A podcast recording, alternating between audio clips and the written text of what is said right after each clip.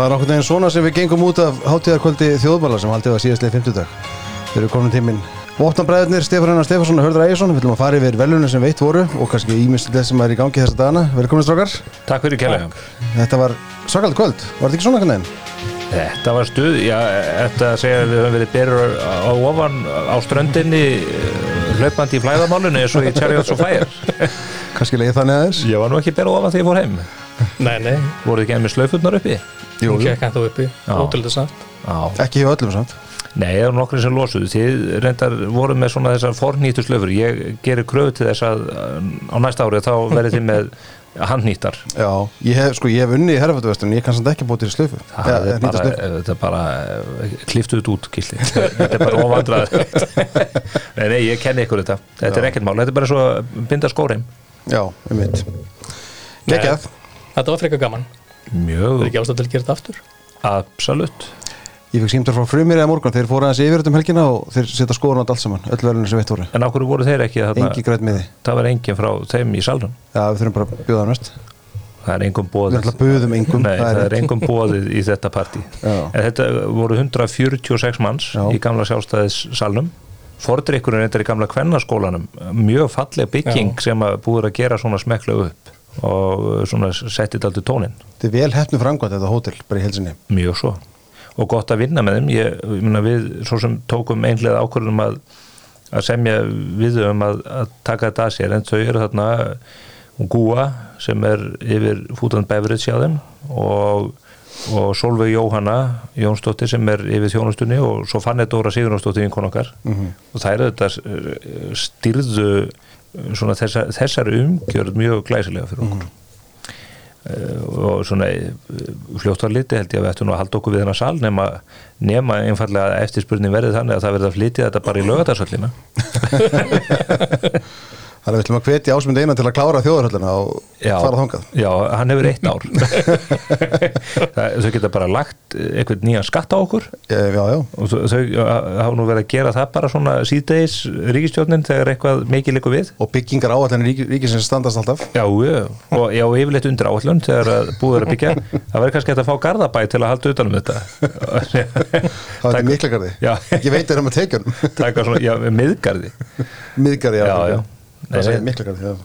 miðgarði. Það er ekki mikla þar.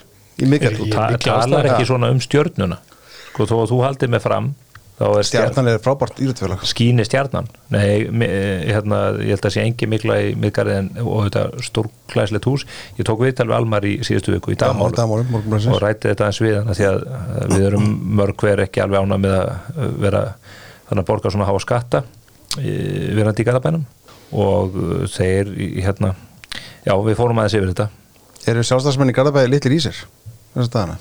Nei, þetta sé nú ekki litlir í sér, þetta sé nú aðalega bara reyðir og mér slíka Já, ég var náttúrulega bæjafullur hona, sko. ég, ég, ég held að bæjarfulltrúarnir vitu upp á sér skömmin, allavega hefur maður heyrt af fleiri en einum og fleiri en tveimur bæjarfulltrúum svona vera að tala fyrir því að það sé nú kannski ekki skynsalegt að fara í prókjör næst og af hverju ætli það sé. það held ég að sé bara því að menn vita upp á sér skömmin í þessu og, og þetta segir maður bara eins og mamma sagði ótt láttu þetta bara ekki gerast aftur elskan Já. Það er ákveðt sagla. Það sem hin- mun hins vegar gerast aftur er að það að hátíðarkvöld þjóðmála verður vantilega haldið aftur á ári. En ef að fara eins yfir, hérna, er búið að fjalla eins um þetta í fjölmjölum, en ef við ekki fara eins yfir samt velunin sem við veitum þetta kvöld. Jú, Jú, jú, ástæð til hörðu, vilt þú ekki byrja á? Við ætlum ekki endur taka alltaf dagskrona, við ætlum svona að fara hérna hrætti við sögu. Byrjum á, við völdum hérna björstustu vonina? 40. vonuna, það voru fyrstu velunin. Já, hvað, auglifja þróuna fyrirtæki Oculus Já. byggt á uppfinningu tveggja íslenskara professora Já. sem var svona, reykjum ásins 2003 Þorsteinn Loftsson og Einar Stefánsson. Þorsteinn Loftsson er, er livjafræðingur og Einar Stefánsson er, er nú held ég einhver allra færasti auglækni sem að við höfum átt mm -hmm. mentar í djúk í bandaríkjum á sín tíma hann kom og tók á móti velunum á sann tengda sinni sínu sem er, Páli Ragnari. er framkvæmtastjóri fyrirtækisins hérna á Íslandi, já en þetta er skráð á markað í bandaríkjónum og er, er þetta ekki orðið Ég meina þetta tuga miljardar við Ég meina komið sambalegt virði bara eins og stór fyrirtæki neða heima í kaupill Bara eins og Iceland er. Þessi umdalsett meira fyrir Æsland er Nei, nei, þetta er fyrirtæki sem komið vermið upp á 50-60 miljardar fleitt á markað, nastak í lók mars, mm. afskaplega vel hefni skráning og, og þá komið meðal hans íslenski fjárfestar inn að félaginu í ennþá meira mæli heldur ráður Mhm.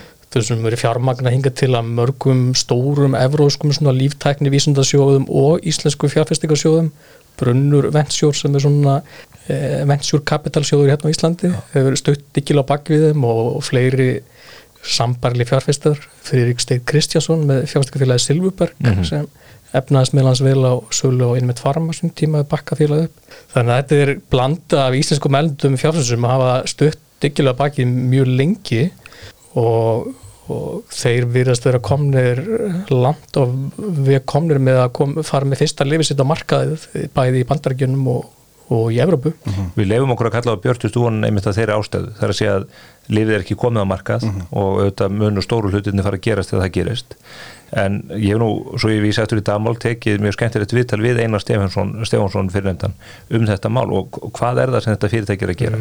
Þeir hafa uppgötað aðferð til þess að flytja lif inn í dýbri enda au- augans eða botn augans án þess að það þurfa að beita sprautu meðferð til þess.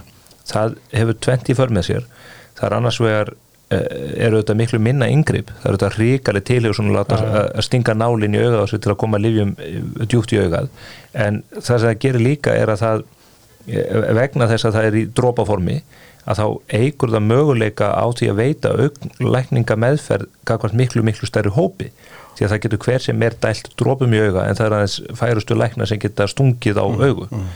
og eins og Einar hefur sagt það er, það er allur heimurinn undir, það er gríðarlegu fjöldi fólks að eiga við augsjúdóma á Indlandi, í Kína í, um alla Afríku sem hefur ekkert aðgengi að e, lækninga möguleikum sem félast í, í, í sprautulífakjöf og ef að þetta rannsóknar sína að þetta er að lánast ef að lifin síðan hefnast í framlegslu og þeir eru konir með held ég mörg áhugaverð og öflug lif meðal hann sem tengjast uh, fylgikvöldum síkusíki þegar þetta fyrir að renna færibandinu þá verður ókulis uh, eitt af krúnu djásnum Íslands uh, efnaðarslífs og Íslands líftækni yðna sem að er mjög vaksandi Já, heldur við þetta glæslegt fyrirtæki og bara hvar köpum maður bref?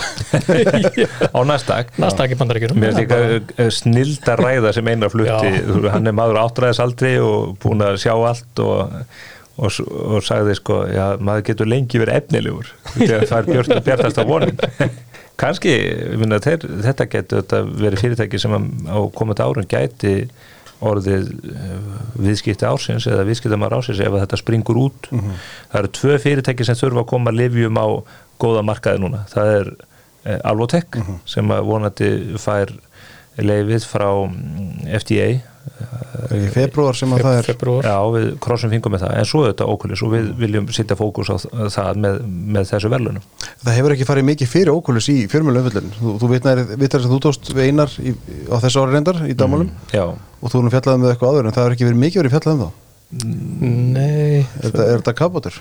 E, já, já, má ekki segja það. Alveg tekur náttúrulega svo ábyrjandi að því að þeir eru náttúrulega starfandi á Íslandi og með, með höfustöður hér og kannski munum munum þar á. já, ég það er munur, ég minna Oculus er er Oculus er höfðurstunir í Sviss og það eru starfsmenn, eru flesti hverja ælendist, þeir eru samt líka með þokkulan fjöldeina heima. Og hlutahópurinn þanga til kannski í skráningu núna í vor hefur svona að, miklu meir hluta verið samsettur af ælendur sjóðum Já, já, algjörlega. Herðu, höldum áfram. Það voru líka önnu velun, kaupmaður ásins. Það voru hjónin Helena Hermundadóttir og Knútur Rafn Ármann, stopnundur og eigendur friðheima sem við völdum þar. Já, þau voru vel að því komin Heldur betur.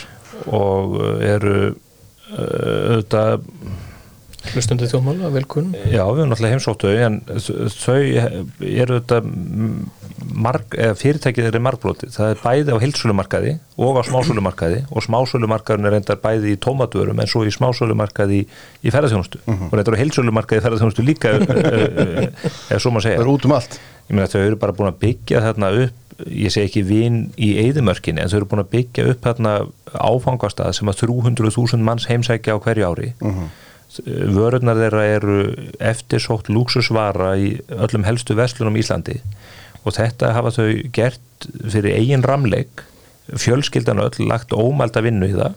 Þau sátu nú reynda þarna til borð líka með, með landsbankanum sem að uh, hefur líka verið þeim öflugur bakkjarl eins og þegar þau tvöfölduðu framlegslu getuna í COVID. Mm -hmm. Og mér finnst svo saga kannski áminning líka um það þegar menn að tala niður bankakerfið og segja að bankakerfið búi ekki til einn verðmætt og sé einhvern veginn dragbítur og öllu og öllum sko. Heru, það er einmitt fyrir uh, hérna, staðfastan og öflugan banka sem hafði trú á sínum viðskiptamönnum sem að þetta var gerlegt. Mm -hmm. ef þau hefðu ekki haft aðgengið þessu fjármagni þá hefði það ekki verið mögulegt. Skiptir öllu máli. Já. við bendum á þáttnum 149 fyrir þá sem vilja fræðast meira um þessa starf sem er þar en það er, sko, þau eru vel að þessu komin það er einhvern veginn, þegar þú hugsa kaupmar það byrjar að hugsa strax að hugsa um vestlanir en það er náttúrulega, þetta er náttúrulega vítekara hugtakann svo. Já, þetta er bara seljendur þjónustu og vöru til einstaklinga. Mm -hmm. þetta getur kaupmar líka úr stórkaupmar ásins eða hilsalinn mm -hmm. og þau eru þarna á, á öllum vikstöðum mm -hmm og gríðarlega gældir skapandi félag. Þetta er veldan í ár sennilega vel á annan miljard og, og bara 80-90 manns í vinnu og... já, og svo bara meina, eins og þið, þið þekkið þau, Helun og Knút og þeirra fólk, meina, þetta er bara svo almennlegt fólk og algjörlega niður á jörðinni þráttur þetta miklu og góða gengi. Já, já. og þau fluttu þarna snjalla og skemmtilega ræðu og ekki skemmti fyrir hvað þau hældu, hældu þjóðmálum. Skellbandalega við okkur.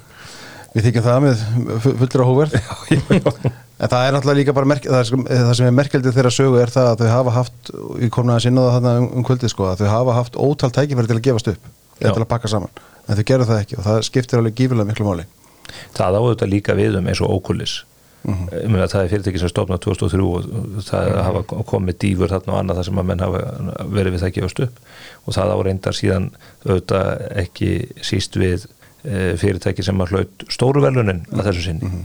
Koma því eftir. Mm -hmm. Næstu velun, þá eru samfélagsvelunum þjóðmála. Við rættum nú aðeins um það þegar, í aðdraðandanum hvernig við ætlum að haga þessum, þessari velunafendíku og, og eins og þið vitið og hafið heyrt og fylgst með að þá eru þetta mikil umræð um samfélagsmál fyrirtækja og samfélagslega ábyrg og allt þetta. En við vorum að ræða við upplustunum þínum á höndum kvöldi að við vildum velja fyrirtækja sem hefði gert eitthvað í alvöru.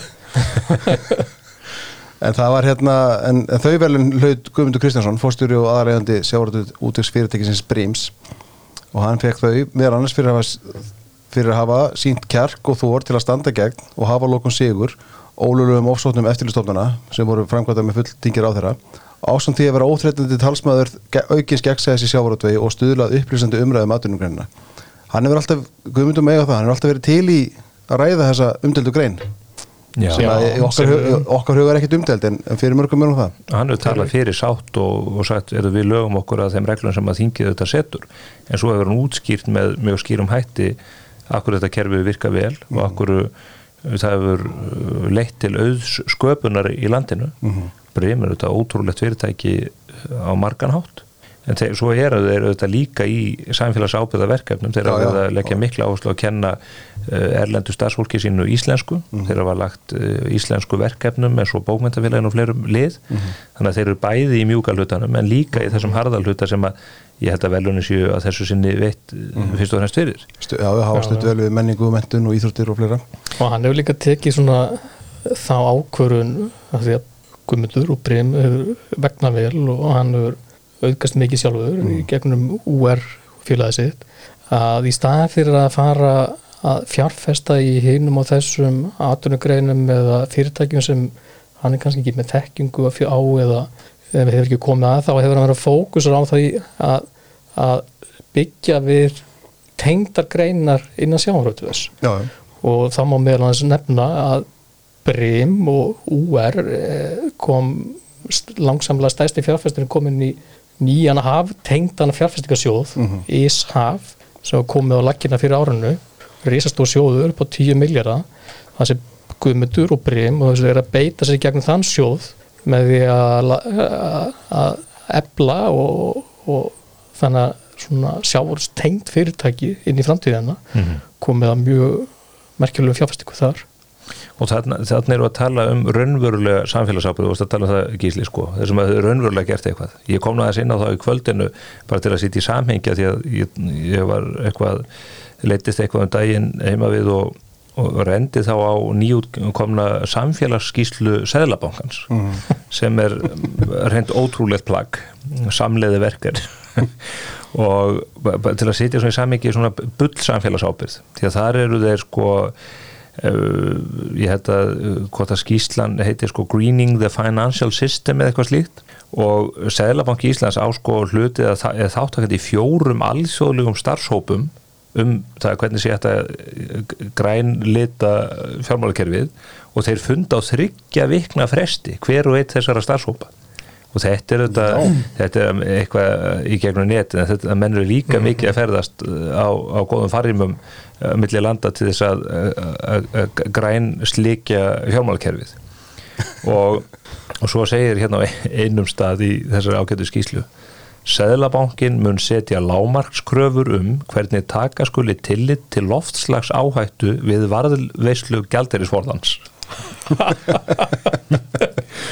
Ég segi bara, sko, ég held að lofslagsbreytingarna sé ekki að fara að eða gullinu eða dólaranum en mér finnst eins og að vanta kaplu um það hvernig eigi að verja gældirisvorðan fyrir mögulegri innrá skeimvera því að það er auðvitað líka stórmál sem að mér finnst að bankin með ekki beina blindaugunað. Já, þú kannski búin að planta hugmyndina þar. Þeir hafa nóg af starfsfólki til að takast á við þetta Já, þó þeir hafa nú þurft að ráða heilan starfsmann til að reistýra þessar skýslu í bankanu sakkat þessari skýslu eru 296 starfsmenn. 296 þar af fjórir bankastjórar 13 framkvæmtastjórar og 27 að, aðstofaframkvæmtastjórar og á skrifstofu bankastjórans eru 33 starfsmenn fjórir nuttarar og 5 kýróprakturar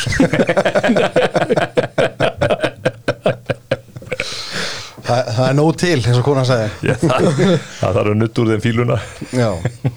Eru, já, veit, það er kannski efni hann að þátt setna Eru þessar samfélagsskyslu fyrirtækja meira að minna einhver þvættingur?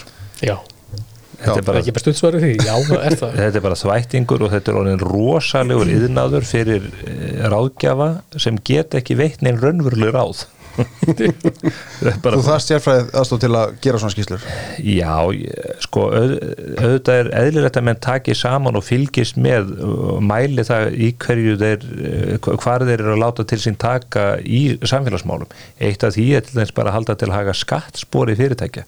Hvað eru þau að leggja inn í samfélagi formi mm. slíks? Það má taka saman að hvaða leiti þau eru að styðja við gott málefni öll eru þessi fyrirtæki með starfsmannastefn og jafnrétti stefn og annað í þeim dúr. En þessar samfélagsskýslur þetta er uh, maður, verður, maður fær eiginlega klíu þegar maður lesa þetta. Já, þú lest þetta ég, þú heyri það, ég var að gefa okkur rapport hérna úr einhverju rosalegustu samfélagsskýslu sem ég hef lesið í mörg ár. Þetta hefur breyst mikið því að ég man þetta hefur 2008 ATFR náttúrulega sem þið veit ekki hvað er að gera í tíma sem þeir, þeir byrjaði að gefa út svona samfélagsskýslu fyrir held ég 15-16 árum og var, þar voru þeir að útlista samfélagsábyrð sína. Hef ég kannski nefnt þetta við ykkur hérna áður? Nei, og þá, þá var sko eitt af þeim aðrið sem þeir nefndu var að þeir eru með skrifstofur þarna på stuðlahálsi að starfsfólki hefði haft mikla ánægju og tekið alvarlega að fylgjast með viðgangi rjúpna sem að höfðu tekið bólfest á túninu hjá átíðafer og starfsmenn var að gefa þeim að borða og svona tryggja að, að rjúbónu liði vel og þetta var ángríns tiltekið í opinberi skýslu frá ríkistofnunu átíðafer ég segi bara með fullir vinningu eina raunverulega ábyrðin gagvað rjúbunu þetta að skjóta hana. Og borða hana því hún er svo góð. Þetta var út út úr já, skemmtilegt. Herðu, viðskipti ásins, það var nú eiginlega ekkert engin spurning um hvert þau færu. Það er náttúrulega, hérna, viðskipti ásins er augljóslega salan á Keresis í sumar Já, þetta var frekar öðvöld val. Vi, Við leitum nú aðeins út fyrir ræðir okkar þryggja hennar og klukkum alveg tíu manns svona við að og íslensku vistarlíf og við eigum vini. til þess að fá einhverja hugmyndir og ég líka ekki að þeim, öllum þeim svörum sem bárast til okkar þá var ekki einasti sem kom með aðra tilu heldur en sölun og gerist þið koloplast. Ég var eini maður sem kom með þú það varst eina. Og varst skotið niður í kaf.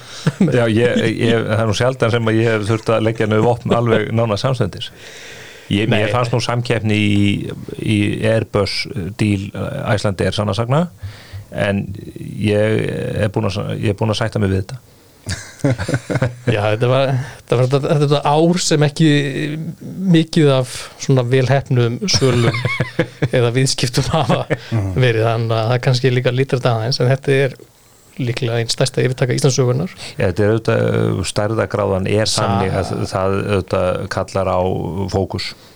líka sagan, þetta er fyrirtækið sem bara þangandi nýlega var spróta fyrirtæki Mm. örf og ár síðan að það var byrjað að búa til alveg tekjur og, og ná því að, að exita þegar maður þannig orðið komast þess að fjárfestingu með þessum hætti fá allt greitt í reyðu fjö sem er ekki algengt í svona stórum fyrirtæki viðskiptum þetta er svona, og sínu leið eins og að nefndir aukstunningi fyrir okkur, þú veist þarna líka fær þetta er virðist að fullkomið svona fitt fyrir kýrisis inn í þetta þannig alþjóðlega helbrið risa, kóluplast það sem munum fá aðganga að fleiri mörkuðum heldur en kýrisis hefur hingað til náð fótföstu á, það er að segja bandaríkjunum. Mhm. Þannig að þetta er svona líkli til að, að félagi geti stækkað og dafna ennþá, ennþá meira. Þú bara verðist taka undir það sem Ólaður Ragnar Grímsson Já. fram þegar að Salan var kynnt að þetta væri sko heims sögulegur viðböður. Já, já, hann var á sæðinu Já, hann var á hátíðakvöldið þjómála í miklu stuði. Já, já. kom, kom upp á svið og tók á mótu velunum á samt Guðmundi Fertram og andra Sveinsinni stjórnaformanni Þetta var uh, auðvitað bara uh, mjög vel til fundið að, að gera sér skildið fá þessu velun og, og svo auðvitað voru við að veita velunum fyrir viðskiptamann ársins. Og þar lágu auðvitað beinast við að að Gundur Fertram hliti þau. Já, já. þó að það sé kannski óvanulegt að það sé sami, sami maður eða sami fyrirtæki sem endilega hljóti, hljóti velununa þá held ég að það hef verið augljós kostur. Ef að salan var uh, augljóst val að þá var viðskiptamaður ársins enn augljós Já, já. Og þau komum búið svið þar, hjónin, Guðmundur og, og einhvernans, Fanny Þannig Hermansdóttir já sem að voru í vittali að þeirri morgunblæðinu í sumar mjög stórgóðu vittali Já, ég flög vestur í fyrir og rætti við þau. Sem, sem ég vitnaði aðeins í hérna um kvöldi þetta var mjög verkilegt viðtal. Ég meina þau á tíanbili að þau voru að tala með að gefast upp. Mhm. þannig að þau bara þurftu að pakka öllu saman og færið skrifstofunar inn á inn í stofu heima hjá sér. Mhm. heldur bara framleiðslunni gangat á Ísafjörði voru launalaus. D- dældu sko peningum af eigin launareikningi Mhm. inn í þetta til að halda þessu gangandi.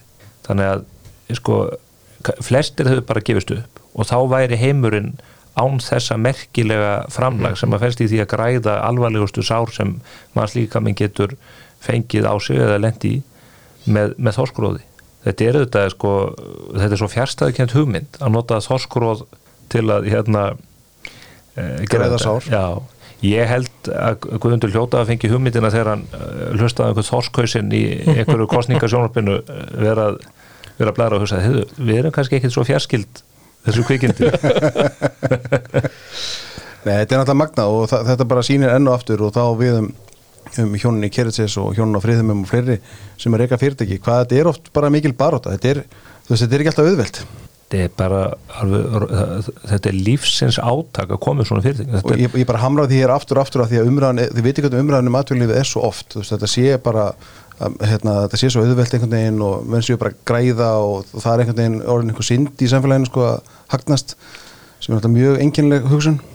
Það, það má segja um þessi tvö dæmi, Keresis og, og Frið heima, það má nú reynda að segja um Guðmund Kristjánsson og UR og, og Brynn líka að þessi fyrirtæki eru uh, afurð eða afleiðing af því að þetta fólk hefur lagt líf sitt og sál varið öllum sínum stundum og öllu sínu þreki að byggja þetta upp og öruglega mjög oft neita sér um hluti sem aðrir telja sjálfsæða eins og styttingu vinnuvikunar og að geta farið í klippingu hvenna sem að manni e, síni sko. Já, já. og auðvitað eru líka við, við, við veitum auðvitað ekki verðlun til þeirra sem að gáust upp og eru gjaldþrótt á leiðinni en auðvitað eru það líka fjölmörg fyrirtæki á, á mörgum sviðum þar sem það er e, það eru örlögin sko. Já, já, það er erfitt að verðmynda það sem ekki varð já, það er bara þannig já nei það er verðmynda á núl já, já. og þó ekki að því að baki byggir auðvitað reynsla sem að kannski nýtist á annar staðar setna, vonandi. Algjörlega.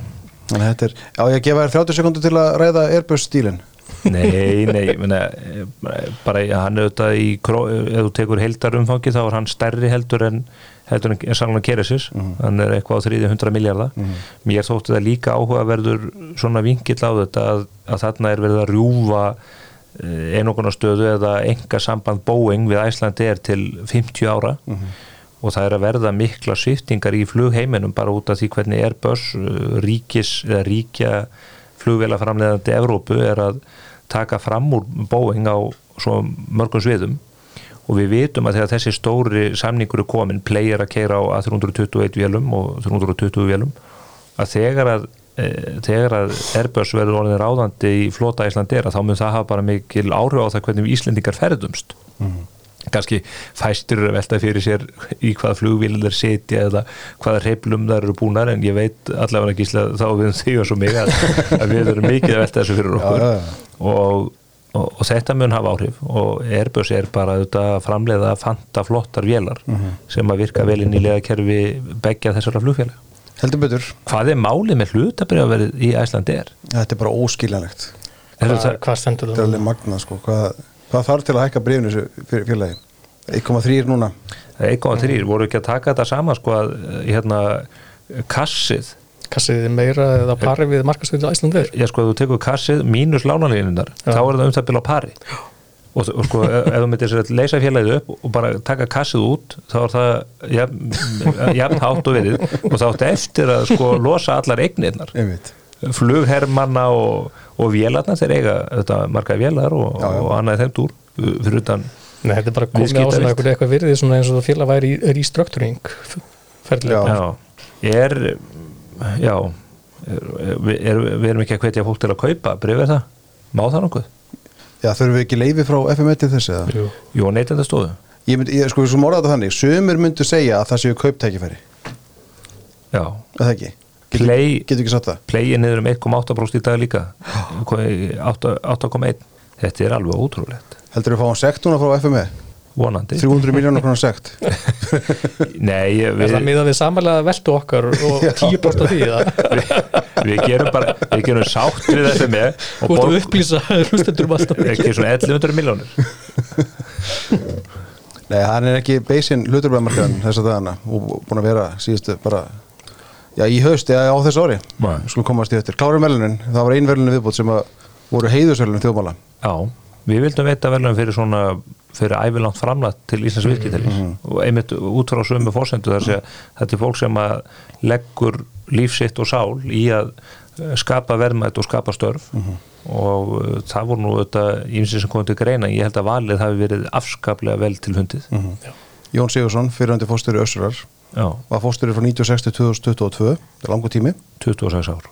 Og fyrir, það voru 400 starfsmenn þegar hann uh, byrjaði og veltan var hvað?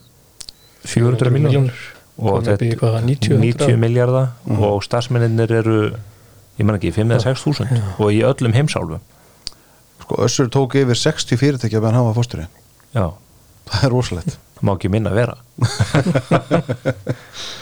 Það er alveg ótrúl, ótrúlegt. Það er meir en tvö fyrirtæki á ári alla þennan tíma að jafnaði hann kom og veitti þessum verðlunum viðtök og flutti bráðsnjalla Já, mjög skemmtilega ræða. Já, þetta var að lýsa því svona hvernig uh, mamma segði aldrei trúa því þegar hann var í barnaskóla á Selfossi að hann myndi standa og taka við velunum með þessu tægi en svo lýsta hann ferlunum ég fannst nú eiginlega einn set má, má vitna í þessar ræður hann Já, já. aðeins að því, að því við erum bara hér í þryggjumanantali Já, þegar hann var að lýsa þessu sko, hvað þetta hefði verið skemmtilegt og spennandi og krefjandi og, og mikil uppbygging en svo held ég hann að klikka út og sagði, en best var þetta að svo þjenaði maður náttúrulega eins og skuttógar Þetta var alveg brill, þá klöppuðu menn já, já. þannig að hann fekk þetta málverkagjöf. Glæsilegt verk. Já, við færðum honum auðvitað viðkenningarskjal eða skjöld eða skjal, já, eins og öllum hinnum en hann, heiðusvelunin eru hjá þjóðmálum og verða þannig á komandi árum að menn fá málverk og hann fekk hérna portrétt af sér sem að tók nú svolítið tíma að útskýra fyrir þeim sem ekki þekktu til listamansin sem við fengum Sigurð Sævar Magnúsarsson sem er uh, okkur á góðu kunnu hér í þessu þætti sem útskrifaðist með láði frá konunglu listaakademinn í eh, Den Haag eh, núna í sumar. Og hann málaði þarna mjög skemmtilegt portrétt uh, úr dýraseríunni. Þannig að þar stendur Jón í jakkafötum fyrir framann höfustöður össurar.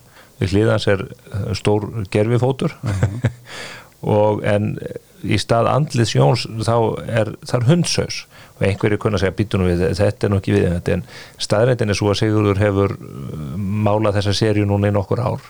Og ímsir sem að eiga portrétt af sér uh, í þessari mynd. Og ég ræti nú við Jónsson að þetta eftir hátíðina þegar við komum verkin á hann og svona og hann hafði mjög gaman að þessu. En þetta er alveg frábært verk. Já, já, Það er hægt að sjá þetta verk í bæði fréttharðar á, á vísi um, um velunin og líka í, í smartlandsmyndunum sem voru betur á smartlandin úr partíinu. Mm -hmm. uh, hvert fólk til að re renni gegnum er að sjá allt þetta prúðbúna og, og hressa fólk. Skemmtilegt kvöld, ég held. Já, Þetta var, síðan kom hann að Június Meivand og Helgi Björns síðan stútaði kvöldinu. Já. Það var bara glæsilegt. Og við vorum með frábært jazzband undir styrkistjórn Áskis Áskissonan gítarleikara. Já, Já, við gerum þetta aftur. Já, en nú bara spurning hvernig við toppum okkur sko. Já, þetta verður stuð. Og hvet ég hlustendur til að sjá okkur þrjá fyrir sér á ströndinni. Fólk það bara að byrja að panta miða fyrir næsta ár. Það eru eru búnir. fjögur borð pöntuð af 14 þannig að það gengur rætt á, Heldur betur. á frambóðið Já, drengir, ef að fjallum eitthvað annað sem að helst byrja að koma. Ekki bara að tala um sjálf okkur. Þá líður okkur best. Nei, nei, það er bara, það er, það er mjög gaman að, að hérna, geta komið saman og, og heiðra þá sem hafa gert vel í viðskiptum og íslensku aðdurlunlifi, það er bara mjög mikilvægt finnst mér. Þannig að það er frábært. En á sama tíma gengur mikið á í íslensku viðskiptlífi þetta er þetta búið að vera alveg svakalegt ár. Já, við vorum að ræða hann um daginn hvað síðast ætti um fórstjórnum sem verða hættir eftir nýjustu fregna með átnót já, ég held að þetta séu, þetta er ekki ykkur 7-8 fórstjórar sem hafa látið að störum að þessu ári Já. köpilinni. Jú, það eru nokkri Það er svona, kannski eitthvað byrtingamynd á því hvað mikið búið að ganga á. Já, já, já það er líka þetta er, þetta er líka stór nöfn sko. Ég meina Átni Kviku. og og- Marino í Kviku þetta er Bjarni Ármansson Birna Einars, Birna Einars. Helgi Bjarna í Vís í upphafásins Mhm. Helgi í Reyin heimarjöt Já. já, Þetta er svona eiginlega þriðungurinn af félaganum á almarkaði kaupalleginu sem er mann skiptum fórstjóra það er, já, það fækkaði um tvo helga í, í kaupellinni Já, mér ánur að sjá að Björn Einars var hann stjórnarfamaður hjá Icelandic Seafood. Já, hún er, hún er flottur kandað þarinn og svo náttúrulega eru eru líka meiri vendingar hjá kaupallar félagunum, það er að verða líka talsverða breytingar í framkvæmtastjórnunum það var nú gaman að taka það saman og nú að taka við Nóa Sirius núna, hún Sigriður Já, Sigur hérna Hrefna sem að hefur verið yfir Það kemst einstaklingsviðinu hjá, hjá Íslandsbanka. Það var, það, ég, eða það er eitthvað skemmt eða, eða það hlýtur að vera gaman að taka við súkulaði framleðslu fyrirtæki. Já, heldur hún sendi okkur ekki konfettkassa hérna fyrir jólin? Nei, Jú, mér finnst það líklegt. Þú Já, ert þú ert sem einhverja aðaldi að þú hérna já, ég vil ekki ekki að sé, já, Líka við glemdum reyndar einum kaupallar fórstjóra, hann var hálf vandræðald að hafa glemt því það er það fórstjóri sína sem leita störfum já, Já, Ingu, fyrir mánuð já. síðan og ennþá fyrir að leita eftir manni hans einmitt er eitthvað að frétta því hörður? Ingu á nú svonuðinu, eða ekki? Hvernig ætlar að ráða í þetta? Ég er ekki hugmynd, ég heyri bara að það svona fánöfn eftir í, Í púlíun? á, á púlunni á listanum sko, þannig að það lítur að skýrast á allar næstu viku Þetta eru sjö fórstjórið, eða ekki? átta held ég með yngva Nei, ég er það Hérna, meðan tölja það saman, við skulum ræða þessum eitt þeirra. Uh, Við höfum aðeins komið á þetta hérna með stöðuna í Marel. Sko, hvernig, hvernig horfir þetta við okkur núna eins og, eins og staðin núna? Það er búið að, það komið fram í fjölmjörnum, það er búið að gera veðgall í, í átnáti og hann hefur minkað hluti sinni í Eyri. Uh, Hann er hættur sem fórstjóri, þetta er alltaf einhvern, einhvern veginn svona slagur sem heldur eitthvað áfram. Já, já, tímalust, ég menna eins og segir þetta er, ég held að það sé einhverjum orðum aukið, þetta er núna með starri viðskiptafréttum hérna heima síðar ára, ekki, ekki bara átnótur hættur, heldur, heldur vegna þess hvernig það gerist. Mhm. og þetta er alls konar svona nýjar upplýsingar sem er að koma upp á yfirborðið í teinslu við það sem ég held að ekki allir á markaði hafi verið meðvitaður um. Uh, uh, þá veit á ég fyrst og fremst við það að þú veist það komið ljósa að, að fórstjúrin var kannski talsveit skuldsettari að baka sín eignar hlut í eiri heldur maður áður vitað og, og þetta talsveit tíðindi að, að sjá það að bæði Arjón banki og líka landsbankin hafi verið að gera veðkall oftar en einu sinni Mhm. vegna þeirra skulda í óttabri mánuði og síðan þú veist bara hafa, eru menna þess að bítast á, það er að segja átnótur og Arjón banki varandi réttmæti þeirra aðgerð sem fari í átnótur ósáttur og maður er svo ekki með fossum til að meta hvað kannski segja endilega satt og rétt í því. En það sem eðlilegar en ósáttur. Já, já, eðlilega, ég menna eins og ég held ég nefndi síðastætti, það er þetta sjóna sviftir af átnóti og hann og faður hans þetta er eitthvað stæsta þátt í að byggja upp þetta öfla og stóra fyrirtæki, líklega eitt mikilvægsta fyrirtæki hérna á Íslandi og sérstaklega í kaupellinni en ég, ég held að sé samt og maður mað sé ekki ósangjarn eh, að, að meta eftir maður horfir á svona allra síðustu ár þar sem Marel hefur verið í miklu mótvindi uh, sumpart bara vegna utanumkomandi aðstæðan sem félag hefur illa ráði við bara uh, tengt COVID-faraldunum þegar aðfangkeðjur riðlast og síðan mjög hækkandi vakstastígi sem eru hitt félagi eins og Marel mjög illa mm -hmm. það sem framleysli fyrirtæki í heiminum eru markvist að draga úr fjárfestingu og, og svo framvísu þekkjum þessa sögu en, en síðan það er svona kannski gæst aðalega á þessu ári og ári, síðast ári þá er þetta líka þætti svona sem sem hefur haft mjög neikvað áhrif á gengistróður Marels og er núna að hitta, hitti núna árnátt ítla fyrir í þessum veðköllum er það að hafa verið lengi áhyggjur hjá fjárfestum hérna markaði með stöðu Eiris uh -huh. kjölfestu fjárfesturinn í Marel með tæmla fjórðunslut sem hefur verið dragbítur á fílaðið og líka einhver ágjör því að eigendur Eiris þeir fekkanir átnóður sérstaklega að þeir kunni, kunni líka hafa verið skuldsettir og það hefur komið á daginn þóttu hún er kannski meiri heldur en menn áttu þessu á. Og þetta þessi staðir en þetta var að valda því að menn óttuðust að það kynni að streyma rosalega mikið magn af brefum í eiri invest til sölu. Mm -hmm. uh, og það myndi að hafa áhrif á gengi Marels. Þetta er auðvitað bara landskjálti sem, mm. myna, þetta hefur bara verið og eirir hefur auðvitað líka verið bara mjög öflugt fyrirtæki að styðja við sprótast að sem að ymsu tægi og, og þóruður auðvitað noti mikillega virðingur átni og óttur í krafti sem stöðu og hvernig þeir hafa byggt upp fyrirtækið en auðvitað er þetta eins og hörður segir utanakondi kraftar í samblandi við sem að virðist vera að koma á daginn er að þeir hafa telt mjög djart gera stór mistök? Þeir gera nokkur stór mistök og þar vil ég nú nefna mál sem að hörður hefur tekið talsveit fyrir og hefur rætt hérna og það er þessi lánveiting sem að e, Eirir ræðist í á síðast ári á rosalega vondum kjörum virkir vextur að því lán eru 17,4% ja, sem er sko herri heldur en sko yfirdráttavextur í, í bankakerfinu. Og maður getur ekki lesið annað út úr þeirri ákvörðun og hvernig hann, eh, hún bar að. Þar sem að öðrum hlutöfum var haldið í myrkri alveg fram á síðustu stundu að það hafi lotið að einhvers konar valdabaróttu innan eiris og inn í þetta þetta síðan tvinnast eignar hlutur landsbanka sem ekki verið að losa þeim og þeirra verið sekta fyrir og við höfum tekið hér til umræðu og gaggrint uh, eh, mjög oft. Og, og þetta á eftir að skrifa þessa sögu í, að meiri nákvæmni skoran og hörða að skrifa bara bók um það uh, það, það sé komið efni í dóðurand um þetta efni.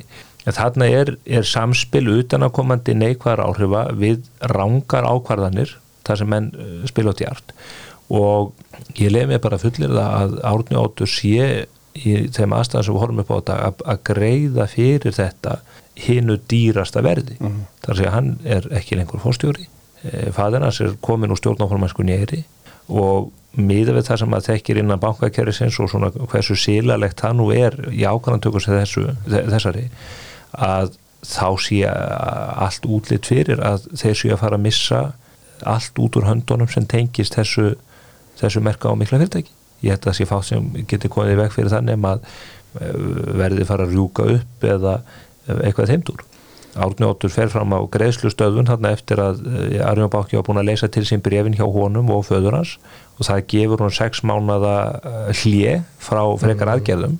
Og það er auðvitað eitt af því sem að þarf líka ræð og við getum kannski komið inn á hér. Það er maður veldi fyrir sér af hverju landsbankin var ekki búin að grýpa til mm -hmm. uh, sambarlegar aðgerða mm -hmm. voru lánaskilmálarnir einfallega bara á floti eða, eða voru menn einfallega að lengja og lengja í taumi sem er vafasamt að mm -hmm. uh, sé ábyrgt af hálfu bankastofnarnar mhm. það er allan að við greindum frá því að innherja um daginn samlega því að sögum frá því að sem hafði ekki komið og ekki tilgjengt í kaupullinni að bankin sín brefin hjá er hlut af brífum Þóruðar e, samlega veðkallinu átmót það hafði komið ljósa Þóruður pappans, hann hefði lánað honum veð með brefanum sínum í eiri og það er þetta að segja manni að því átmótur á ennþá 13% hlut í sínu nafni og, og í, í tengdu félagi honum Mhm. í eiri, það segja manni þá að sá hlutur er þá uh, líka veðsettur upp í topp og ég held að það, er skuldir líki í landsbankunum að við greitum verið því að landsbanki gerir veðkall í félagið Árni Óttur Þórðarsson EHF 28. oktober þá voru búin að koma tvö veðkvöld þar á undan frá Arjónbanka í byrjun oktober og síðan upp á miðjum oktober þegar, þegar hann aftur brítur lánaskilumula og það verður þannig með að þau gögg sem ég sé það er alveg skýrir skilmálar í því láni milli félagsins átna og landsbankans og þar fekk hann áttan að fá fimm virka daga til að bregðast við frá með 28. oktober bankinu lokum aðfælst ekki á grundvöldu veðkatsins ég veit ekki hvað kemur til það getur vel verið líklegt að átnótur hafi fengið kannski auka frest verið að reyna að reyða framferðikari tryggingar og síðan það bara er komin greiðstustöðun stuttu síðar sem gefur hún ákveði var eins og Stefanuna nefndi.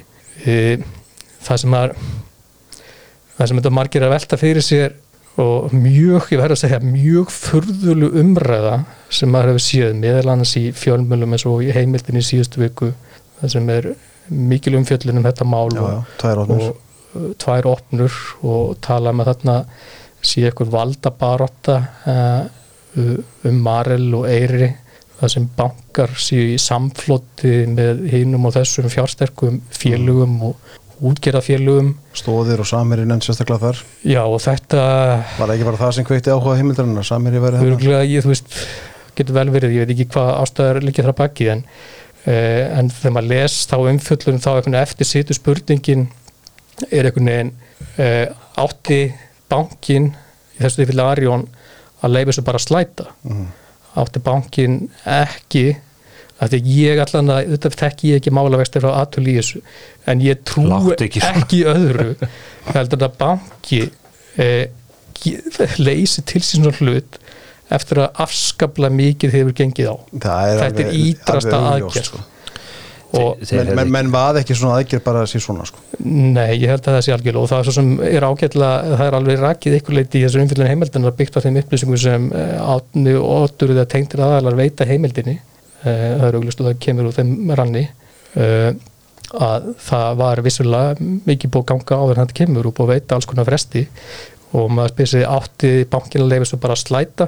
Að sjálfsögðu að getur bankin ekki gert það og það er nú eitt af því sem að bara ég held að vera lærdóm að hrunsins að hrunsins og í rannsónskýslum alþingis að það var einmitt út af slíka menn voru að kasta í raun góðum peningum eftir vondum til að reyna að bjarga einhverri stöðu sem að ekki gætt laga sko. Og og auðvitað er velreikin banki er sá sem hefur góða tryggingar og bregst við þegar að eignir rýrn og annað. Það er bara hinn kaldi veruleiki fjármálastarðseminar og ég verða að segja, hörður fyrir þetta mildil inn í þetta, ég las þessa e, samatætt hjá heimildinni og hún, þessi skrif Þórðarsnæðis og Helga Seljan er þeim bara til háborna skammar það er nánast allt að því að nú þekki þetta mál ekki alveg eins vel og hörður en, en hef nú aðeins sett minni þetta. Það verðist vera meira og minna allt í þessar umfjöllur rámt ég held það að er bara, ég taka, verðast, bara uh, kannski hafa skrifað sögun eins og var og svo ákveði bara að snúin á kvolf þeir hefðu alltaf getað að skrifa þetta frá hægri til vinstri bara svo arabarnir og þetta er eh, það hefði verið næsta stið því að þetta er og, og ég er algjörlega sannfærður um það að, og maður sér það bara á forsíðun að þeir stilla þarna Þorsteini Má upp og þeir hafa þetta verið í heilugu stríði við Samherja og Baldvin Þorsteinsson og Þorstein Má.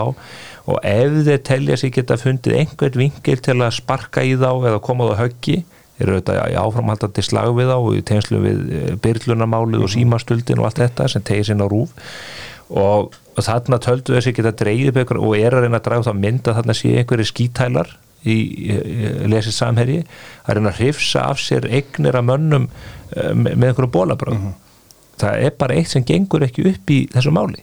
Í fyrsta lagi eh, held ég að eh, samherji sé bara ekkert í á, á þessum buksónum sko og, og hefðu geta komið að þessu máli á fyrir stígum eða hefðu haft áhuga til þess. Og í öðru lagi að þá er það nú einfallega þannig að það er bankin sem tekur þessa ákvörðun ef að lánaskilmálöfnir eru þannig á málefnarlegum grunni.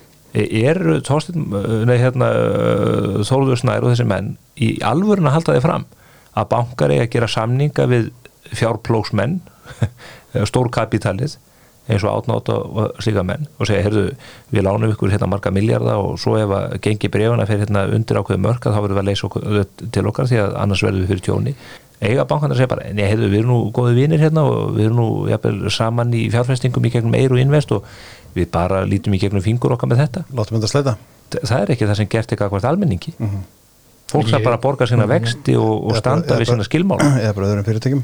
Já. ég held, ég held að ég, ég gef mér það að, að Arjabanki í þessu tilfelli væri öruglega miklu fremur til í að fá lánir greitt tilbaka heldur en þennan hlut í Eiri Invest félagi sem er bara í meiri háttar erfiðleikum og þarf á meiri háttar auknum fjármunum að halda uh, til að koma í veg fyrir að það endi ekki bara í höndunum á þeim fyrirnefndu ellendu sjóðum sem við röktum hérna ágætlega að, að veittu þetta lán til Eiris fyrir rúmlega ári síðan. Og með Arjónbák, þú veist, það er ekki bara eins og einhver aðstu stjórnandir í bankanum eða aðstu stjórnandur ekki tekið ákvörðun einir en það að þeir ætli að ganga viðinu það er líka búið að búa þannig nútana í bönkum að bankin lítur eftirliti frá áhættustýringunni sinni. Innri endur sko og regluvöslu og ásamt okkur opera eftirliti. Þetta er fer í ákveði ferli og það er ekki einn aðili sem ákvara bara, heyrðu, við ætlum bara að taka þetta til okkar. Auðvitað er það ekki þannig. Þetta aftur, eins og Stefán nefndi, er þetta eitthvað lærdum frá hruninu að menn reyna að vinna þetta faglega og eftir skýrt fyrirfram gefnum verkferðlum Ég ætla að fá að nefna eitt annað atrið að ég hörður eins og segir svo kurteis að þeir í þessari rugg umræðu þarna á síðum heimildarinnar þar sem greinlega, eh, sko það er engin virðing borin fyrir sannleikanum eða staðnendum máls. Það reynar að höggva meðal annars í, í ágæta vinnmi sem að sittur hér þetta ból Hörða Ægisson sem hefur fjallað um þetta mál og, og, reynda hefur þú líka gert það gíslega en mér sýnist þið beina orðum sínum að herði og reyna einhvern veginn að draga upp þá mynd að, að hann sé bara einhverju leiðangri fyrir einhverja vini sína hjá Arjónbanka þetta er þetta algjör dómadagstella og þetta er, þetta er ekki fyrsta sinn sem að maður sér Þór Snæ láta svona þegar að menn aðrir fjölmjölamenn en hann eh, búa yfir upplýsingum eða aðgang að mikilvægum heimildum og hörður bara eh, þekkir þetta mál mjög vel hefur rætt við tugi mann um þetta eh, farið við gögn og annað sem að gera hún að kleifta fjallum þetta með yfirvöðum hætti og upplýsa þannig markaðin og samfélagið um það. Það þólir Þórður Snær ekki. Hann hefur eh, einhvern tíma tókun og brjálaðskasta því að morgumblaði fekk í hendurnar einhverja skýslu á undan öðrum innan og held ég sjáurútusráðunetinu og leita á þetta sem mikla góðgá en þetta er hins vegar sami maður og var sko í slagtói við Stengri Mjóð Sigfússon og, og hiskiði kringum hann inn í, hans. í fjármálalandinu þá þótti þessum sömu mönnum og ég kvóta tussu fínt. Hvað segja nú jafnrétti sinnarnir og allt vógliðið um svona uh, tungutakja á þessu góða fólki uh, inn á heimildinni? Þetta eru mennirnir sem að, þótti ekkert nema eðlilegt að í þá væri lekið bæði gögnum innan úr ráðuneytinu frá saksóknurum og uh, jafnvel frá dómstólunum alveg í lange bannir. En það er bara vegna þess að þau líta svo á að allir eigi að vera jafnir nema þau sjálf, þau eru svo ægilega merkileg því að þau eru sko rannsóknarblaðamenn. Ólið okkur. Já, já, já, þarna eru þetta eh, ótrúlega ásakanir sem eru settar á hendur eins og segir, beint að mér um að ég sé beinilins að, að skrifa að, út af því að fá velþóknum frá tilteknum banka í einhverju meintu valdaplotti sem er ekki til staðar nema mm. í hugafylsnum þessara tvekja manna uh, skrifa niður gengið í Marel með því að byrta óvilhallar fréttir um Marel þá eirisfeðga uh, þetta er svo mikil dómátagstegla að maður veit ekki hvað að byrjað ég hef allavega ólíkt þeim félugum Helga Seljanni og Þóri Snæ fylst með því og skrifa fréttir um Marel og Eiri síðastliðin missir ár. Ég hef ekki orðið var það að það hafi verið sérstaklega á ratunum af þeim að fylgjast með þeim málum. Gott og vel að þau eru ekki allir blaðmenn að fylgjast með því en ég hef gert það og ég hef flytt fréttir sem eru fyrst og einst þetta bara byggður á staðarendu hverju sinni. Og þær hafa eðli málsins sangkvæmt síðastlina mánuð og misseri verið oftar út af einhverju neikvæðum tíðendum hjá Marel og Eyri Þetta er bara ófyrirgefanlega framgangahörður að segja fólki hlutin eins og þeir eru. þar hafa Ég meina, við höfum fjallað um vandræði Marels hér áður sko, Já, þau, það þau, er eru, búið þau eru öllum augljós. Ég greini frá uh, verðmötum greiningaskíslum frá erlendu sérfræðingum annað sem kom rataði mína hendur og koma kannski ekki í hendur allra fjölmjöla manna alltaf og það er fréttahefni. Það er fréttahefni að greina því þegar að E EHF-félag Átna Átt Þórássonar er komið í neikvært EIF upp á tæplega miljard og svo framið sem kemur sinni ljós komið síðar að hann var veðkalla auðvitað er þetta fréttir sem ég ímynda mér að viðkomandi mönnum finnst mjög leiðilegt að sé verið að segja fréttir af en það fylgir því. Alveg eins og maður sagði jákvæða fréttir af sömu mönnum á sínum tíma. Já, já. ég man ekki betur en ég að veit Árnáði Þóriðssonri velun sem viðskipta maður ásins fyrir öfum ára síðan. Eh, ég veitti Þórið Magnúsinni heiðusvelun á innherjahátti fyrir tveim ára síðan menn En ættu þetta nú að vara sig á að taka við veluna þér. já. Ég bara þakka fyrir að Guðmundur Ferðar er búin að selja sér sko, því annars væri, hefði maður bara verulegar áhyggjur af sér. þetta, þetta fer í báðar áttir og það er þetta með ólíkjutum að ætla manni það mikil völd að fréttaflutningur hjá manni geti tekið niður gengið í maril, það er þetta ekki þannig það er aðri kraft að fara að verki Þetta er bara því miður allt og algengt þarna í heimildinni. Og ég reynir nú að lesa sem minnst í þessu en ég kemst nú ekki hjá því að, að sjá þarna alltaf flennistóra auglýsingar frá EPAL. Ég- það liggur við að maður bara get ekki keift orðið húsbúna þar vitandi það að sé vera að bakka upp þessa þvælu. En það er merkilegt Já, já. í þessari umfjöllun og sem er á st- stóra málið okkar í dag sem við höfum að fókusa á í staðan fyrir þannig baksinsbeil og þessum deilum sem eru kannski með látnáts og arjón, það verður vantilega útkláð með öðrum hætti er þetta mun takast að koma eiri invest á réttan kjöl. Það er bara stóra spurning það er stóra spurningin og það mun ráða mjög miklum framaldi hjá Marel hvernig þeim má líkta það líkur fyrir að það er, er í gangi e, vinna við hlutafrökningu eirir en það eru skipta skoðunar á því innan hlutahóps eiris og hversu stór hún þarf að vera. Eh, þarf hún að vera 12 miljardar það er svona tala sem við erum unni með þarf hún mögulega að vera miklu meiri? Og af hverju það, þá er það mögulega sumir hlutafar og fjárfestar eh, er ekki tilbúnir til að setja kannski háar fjárraður inn í eiri. Það er ekki að koma nýtt, fjár, það já, að koma ný- nýtt, fjármann inn? nýtt hlutafíðin en e- eru kannski ákjafullir að gera það uh, út af þeim lánastrúktu sem er ennþá fyrir hendi og var gerði fyrir ári síðan. Og bara ég svo, svo ég reynir í stuttum að skýra bara stöðuna hvað það var þar Eiri Invest skuldaði um síðastlinn áramót rúmlega 300 miljónu evra. Eh, þar munnaði mestu um fyrirnefnt lán sem var fengið frá J&E Partners og Bápost Þetta eru 45 miljardar Já, uh, s- lánið frá elendusjóðum var 25 miljardar, 30 miljardar kannski gengið dagsins í dag. Og hinn lánið þar innlendum fjármálastofnunum, í fyrst og fremst landsbankanum. Uh, vandin lítur fyrst og fremst að þessu láni hjá ellendu sjóðunum. Og það kemur bara fram í ásendingi Eiris Invest að Eiris Invest áallar á næstu þremur árum að þurfa að borga í afborgarnir á lánum og vex, vöxtum í kringum 540 miljónir og þar munar aftur langsamlega mest um greiðsluna á þessu láni frá JNI og Bápost mm, ásand vöxtum sem eru fi- 17,4% virki vextir. Eh, þeir geta valið að þreymur áru liðinu núna í dag, þessir tverjandi sjóður, að fá höfustólinn borgandi baka ásand uppreiknuðu vöxtum eða fá 8% hluti í Marel. Mm. Eh, í dag á Eiri Invest reynur verið bara þennar hlut í Marel sem er verðmetinn á markaði í dag um 70 miljardar. Í bókum Eiris er hann ekki verðmetinn á 70 miljardar. Það er alltaf einhver afsláttur að því að fjárfesta myndi ekki kaupa uh, Marel bref, eða óbein bref á Marel í gegnum Eiri á sama verðu getið keift á markaði. Þannig að getum við að gefa okkur afsláttu því. Þannig að í raun og veru er eigi fjárstaða Eiris í dag ef þú það, þetta, þessi lán sem Eiri er með og vexti með við virði hlutarins í Marel er líklega neikvæðum svona 20-30 miljardar. Það er staðan í dag. En á og þetta er auðvitað vandin sem hlutafar eiris og, og fjárfestar sem er að skoða að koma penning í það er að meta. Verður ekki landsbankin að svara því af hverju í djöflinum þeir losuðu ekki hlutin í eiri á einhverju tímapunkti? Ja, Þetta er ríkisbanki.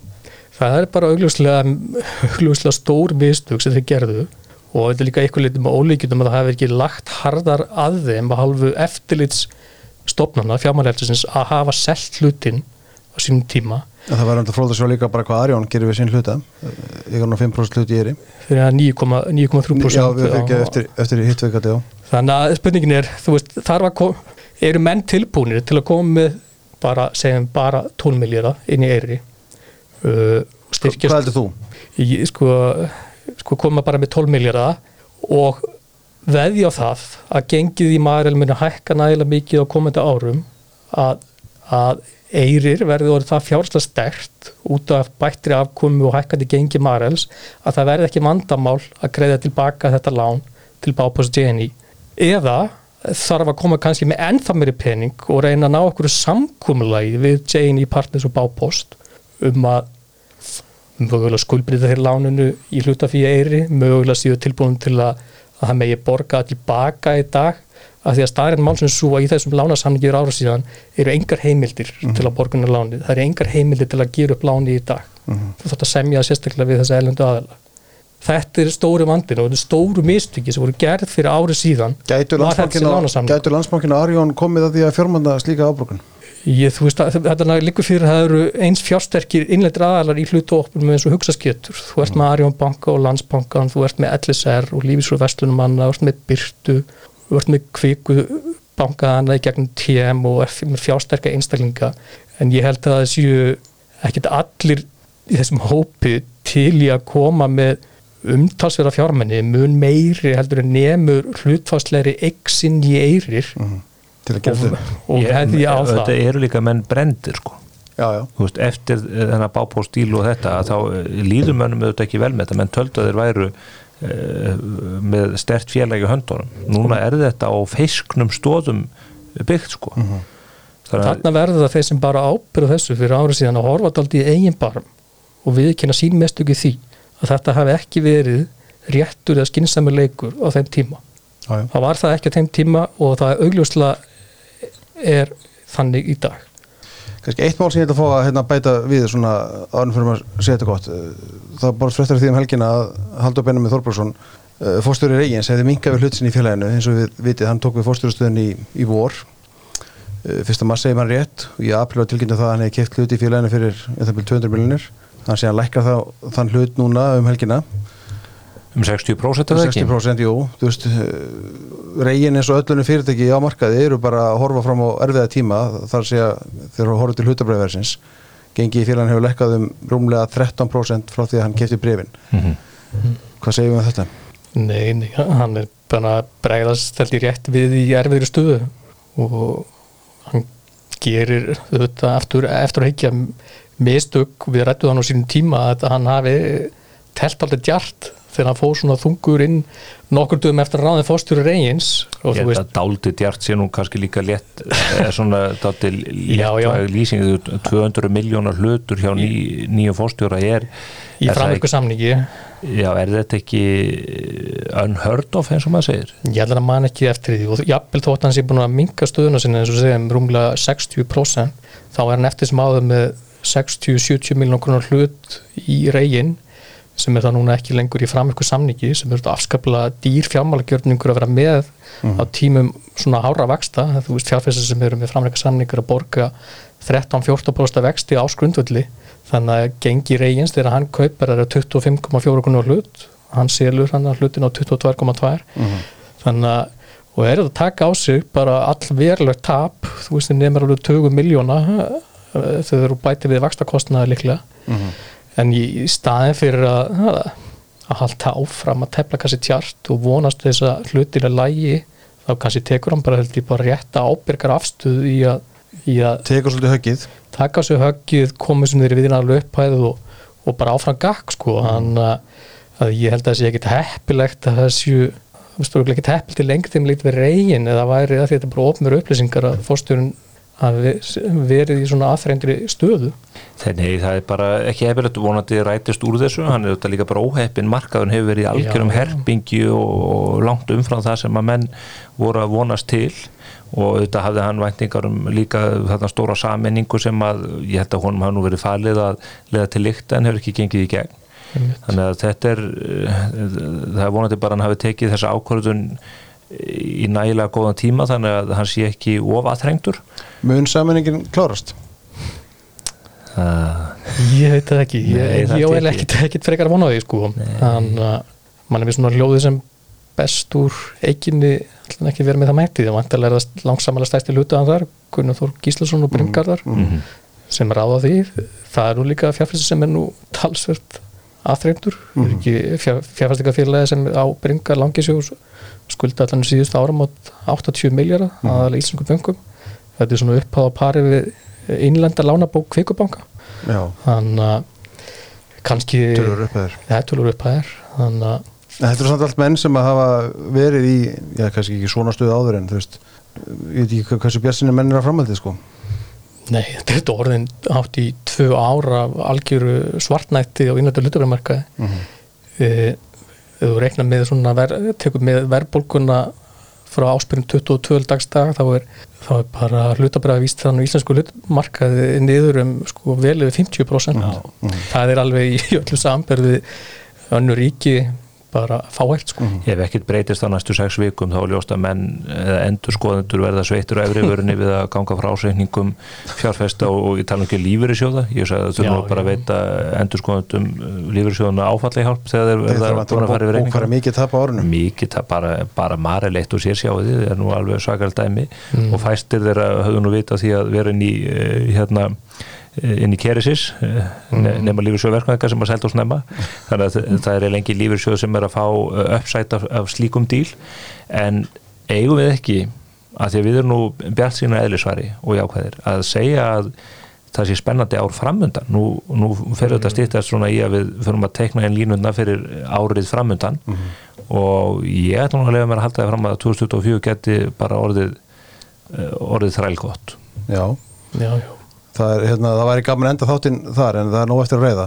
Ég ætla aðeins að koma eitt punkt í varandi, varandi haldabennin mín og, og þessi, þessi kaup. Sko, erum við ekki almennt jákvæði fyrir því að fórstjórar eigi í fyrirtækjum sem þeir stýra?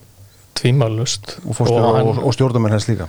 og ég held að, að halda benni með þótt hann sem bara minga stöðunum svona mikið þá eru ekki margir fóstur í kaupilinu sem eiga jafn mikið persónulega undir í félaginu og við viljum það alveg tvímálust og þannig að en bara það er kannski ekki heppilegt að að slíkur hlutur sé svona mikið skuldsettur eins og var í hans tilfelli. Og hann kannski vaknaði upp við það þegar hann sá hvað gerist í tilfelli átnáts að, að þetta væri kannski áminning að, til þess að leysa bara stöðuna áður en að verðfæri. Mm. Já, Já, þetta er svona hressilegt já. fólk, fólk lítur að vera bara bilast í stuði umferðinni eða, eða heima það, ef við kannski að skella okkur bara smá kaffihús og hérna bara, löngóli kallt kaffi sem ég er með hérna í bollanum er það á miðvikudaginn? Þá er stýrjástákurinn. Já, Já. 20. november Hvað segið þið? Hvernig, Ég held að þessi Hva- minnst og óvisa sem hefur verið um vaksta ákvörðum Sælabankans Já, lengi ég bara held mig við það sem ég sagði hér síðast að hvað það óbreyttið það? Nei, þeir munu keira vestarnir í 4% til þess að fylgja kröfum ástildar lógu Áski Jónsson ætlar ekki að láta reka sig Það væri frábært að fá 4% vesti, allt í einu. Já, nei, nei, þeir halda þessu, er það ekki óbreyttu? Jú, ég, ég framkvæmdi mína reglubundu vakstakunni við innherja í morgun og það hefur aldrei yfirgnæmendi meirluti í aðra áttina, það voru 22 sem held að það eru óbreytt og eitt sem spáði 25 púnta vakstahækkun Það er náttúrulega merkileg, sko, það er auðvitað gríðarlega óvisa út af þessu gósi eða yfirvofandi mögulegu gósi og við gætum sem samfélag verið að horfa upp á mesta hamfara tjón í sögunni ef að Grindavík Grindavík er að glina og mögulega bara einhvern veginn að, að sökva í sæ með við eh, það sem að maður horfur upp á þarna ótrúlegar hamfarin í bænum. Augljóst að það er orðið 2 miljardar tjón. En ef að þarna fer að gjósa og fer yfir bæin og jafnvel eðilegur höfnin einhver leiti þá er það tjón upp á 150 til 200 miljardar og, og fyrir utan þetta bara þetta andlega áfall sem að reyndar er nú þegar orðið talsvert fyrir íbúana. Og uh, hann fjalla nú ákveðlega um þetta í Facebook status Erlendur Magnússon uh, núna í liðinni viku. Og það er alveg ljóst að Diggur hlustandi þáttanins Já, já, og það, ég meina krónan er búin að veikjast eða hefur veikst út af þessum atbörðum mm -hmm. ferðaþjónustan er í er í svona ákveðinu limbói mm -hmm. þetta bláalónið er lokað og mm. ferðamálastjóri var í áhugaverðu viðtali hjá Kristjánu Kristjánsson og Sprengisandum helgina. Og hann var að vísi það að hjá ákveðinu ferðarþjónustu fyrirtækjum eru menn að sjá þrefalt meiri afbókanir heldur en eðlert getur talist á þessum tíma árs, alltaf einhver afbókanir í gangi. Og það er hérna, það er auðvitað alvarlegt mál vonandi mun þetta skýrast fljótt eða þessi staða þannig að það verður hægt að vinna úr þessu og allavega held ég til lengri tíma litið hvort sem að það gísið ekki og við skulum krossa fingur og vona að byggðin bjargist og svartsengi bjargist og bláa lóni þessi mikilvægu innviðir sem að þessi fyrirtæki eru og þetta húsnaðið í, í Grindavík. Og það verður hægt að snúa þessu upp í svona dálitið eigafjallajökuls moment. Þetta er land elds og ís, hér verða hamfarir og jörðin er á lífi hér ólíkt því sem viða gerist annar staðar. En, en það er bara mjög mikil óvisa um það akkurat núna sem að Sælabankin verður að taka til þið til. Nú eru þeir auðvitað að horfa líka í svona uh, hérna á aðra mæli hvað en endilega við. Það kann að vera að þeir þurfa á einhvern tíma punkt að bregðast þannig við að þeir lækja þess vexti. En, en svona öruga leiði núna e, síðast aldra við Já þið haldið það, þetta verði það óbreytt Þetta er samt að þeir já, ég, já, já, þeir munu halda vöxtum óbreyttum en eins og Stefán er nefnir það er orðan bara meir líkur heldur um minni að næsta skref hvað sem að það verði í februari í hvað massið aprilmáni þá munum við kannski sjá vaksta lækkun það munum þetta aldrei fara eftir því hversu slæm sviðsmyndin mun verða svona á efnaðins lífið að þessum náttúruhanförum á Reykjaneskaga mm -hmm. uh, Hvað með en, mögulega útgjöld ríkisins?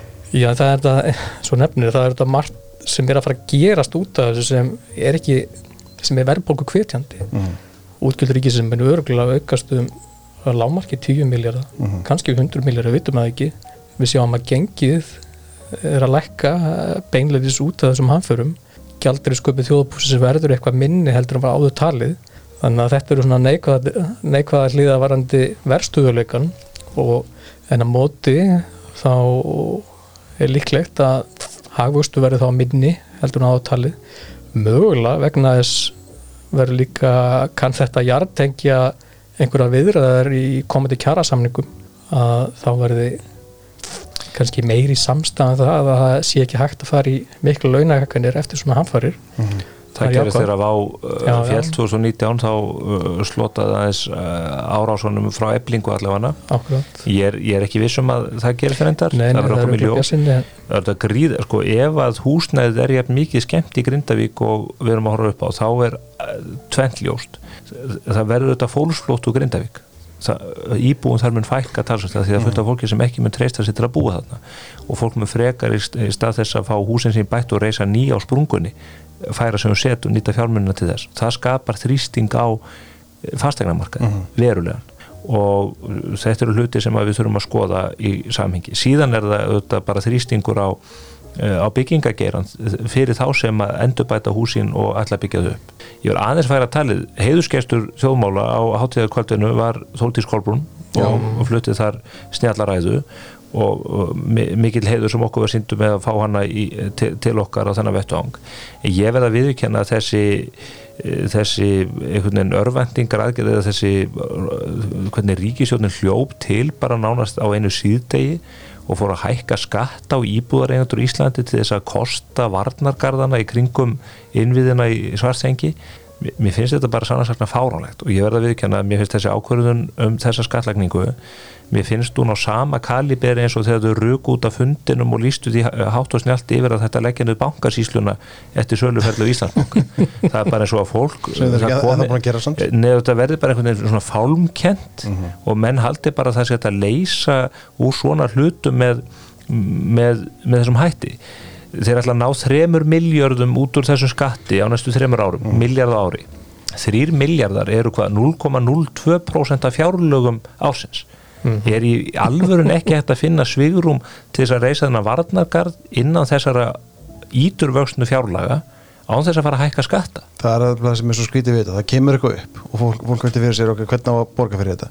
Það er hægt að dæla peningum í rúf það er hægt að dæla peningum í gjaldróta Íslandspost og alls konar verkefni sem er hægt að dæla peningum í ár eftir ár eftir ár en svo þegar kemur að þessu og þá þarf að hækka skatta.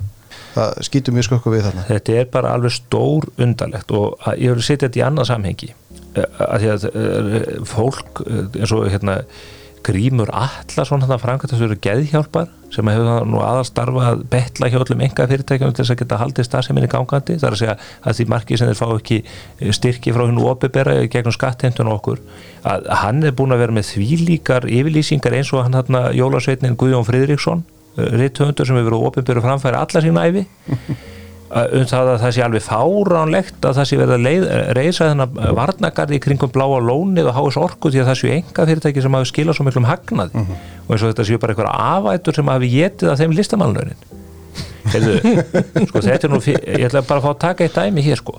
Áætlað skattspor bláa lónsins á þessu ári til sveitarfélag og ríkis eru 6 miljardar það er tvöfald svo upphæð sem að þessi leiðigarður á að kosta mm -hmm. sem að mun líka venda byggðin í Grindavík mm -hmm. af, hverju get, af hverju hatar þetta fólk fyrirtækjarekstur og uppbyggingu aðtunlíf svona heitt ég segi bara að ætla fyrirtækin í landinu sem að horfa upp á svona málflutning að dæla meiri peningum undir raskatið á Guðjóni Friðriksinni og Grím Allarsson mm -hmm. já, já. Nei, þetta er, þetta er algjörlega óþólandi hvernig menn hlaupa til og demonisera fyrirtækin í landinu. Það eru 800 störfi blá lónu uh -huh. og svo verða þau fyrir því ólána þessi fyrirtæki að það bara stefnir í eldgós í garðin hjá þeim. Og þá koma þessi spekingar sem aldrei hafa neinu skilað og segja, eigum við að bjarga þeim? Af hverju ættu við að vera að hjálpa þessum fyrirtækjum sem er að borga hérna út arð? Mitt. þetta er eldgós, þetta eru hamfærir Íslensk samfélag stendur saman þegar verða hamfæri þegar snjóflóðin rústuðu e, fiskiðun og, og síldabræðslun og það á, á Neskaupstað 1974 þá brá samfélagi við í sammenningu þegar snjóflóðin fjall á Súðavík og Flateri þá, var ekki verið að spurja hvort að hérna útgerðafyrirtækin þær í bæ hefðu skilað hagnaði.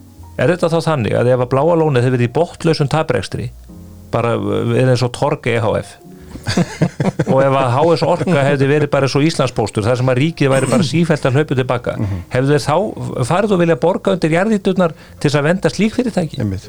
það myndi litlu máli skipta þó að Íslandspóstur færi undir raun myndi yngum máli skipta. Það, jú, það myndi spara Íslandsku ríkinu þannig að það væri þetta bara heppilegt sko. En, en þetta er mjög vond þegar þessi fyrirtæki Þetta er líka bara hættulegt huga að fara að hafa skadar atvinnulífið og þá um leið samfélagið og efnaðinn. Þetta er bara svo, þetta er svo sjúkt. Mm -hmm. þetta er sjúkt hugarfar. Já. og hana nú. Og hana nú. Herðu rétt í lókin, það er spurning frá hérna, hlustanda í getum Spotify-þræðan okkar.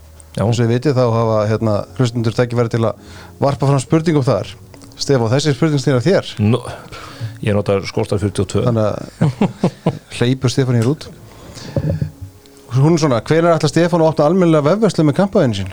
Þetta er frábær spurning. Já, Já, þetta er geggju spurning. Það er bara radio silence. Það fyrir að koma því. Það fer að koma því, já, já. Já, það ekki? Að Allt hefur sinn tíma. Já, það er nú smá saman að, að mólna undan hérna einokkur ríkisins á áfengi eða ekki, áfengi sölu. Jú, jú, bara eins og við höfum rætt svo sem ég er áður. Já, og þétt verður samfélagið vonandi skemmtilegra. Já, Ég held, ég held að Íslands samfélagi er ekki verra þó að við værum ekki með ríkisveikin rekna pósttjónustu eða ríkisrekna áfengisölu ég bara lefum mér að fullir það að samfélagið er betra ef við myndum félag enga alveg að, að sinna þessum sjálfsögðu enga enga, enga rekstra verkefnum við ríkis ekki fjölmiði líka Já, ég, þetta er bara hver, hvernig getur fólk á 2001. öld látið Eh, sér linda við það að ríkið flyttið í freyttir þetta er bara, þetta er svona eitthvað norðurkórist ástand. Það er, það er nú leiðilega lokavar þáttur eins en hefur ekki að segja þetta gott þess að til bíli? Nei, höfum við ekki höfum við ekki eitthvað meira að ræða? Svaka, ég segja gott um hlutlega, takk fyrir komin í dag. Takk, takk svo með þess Við glimtum að ræða hérna.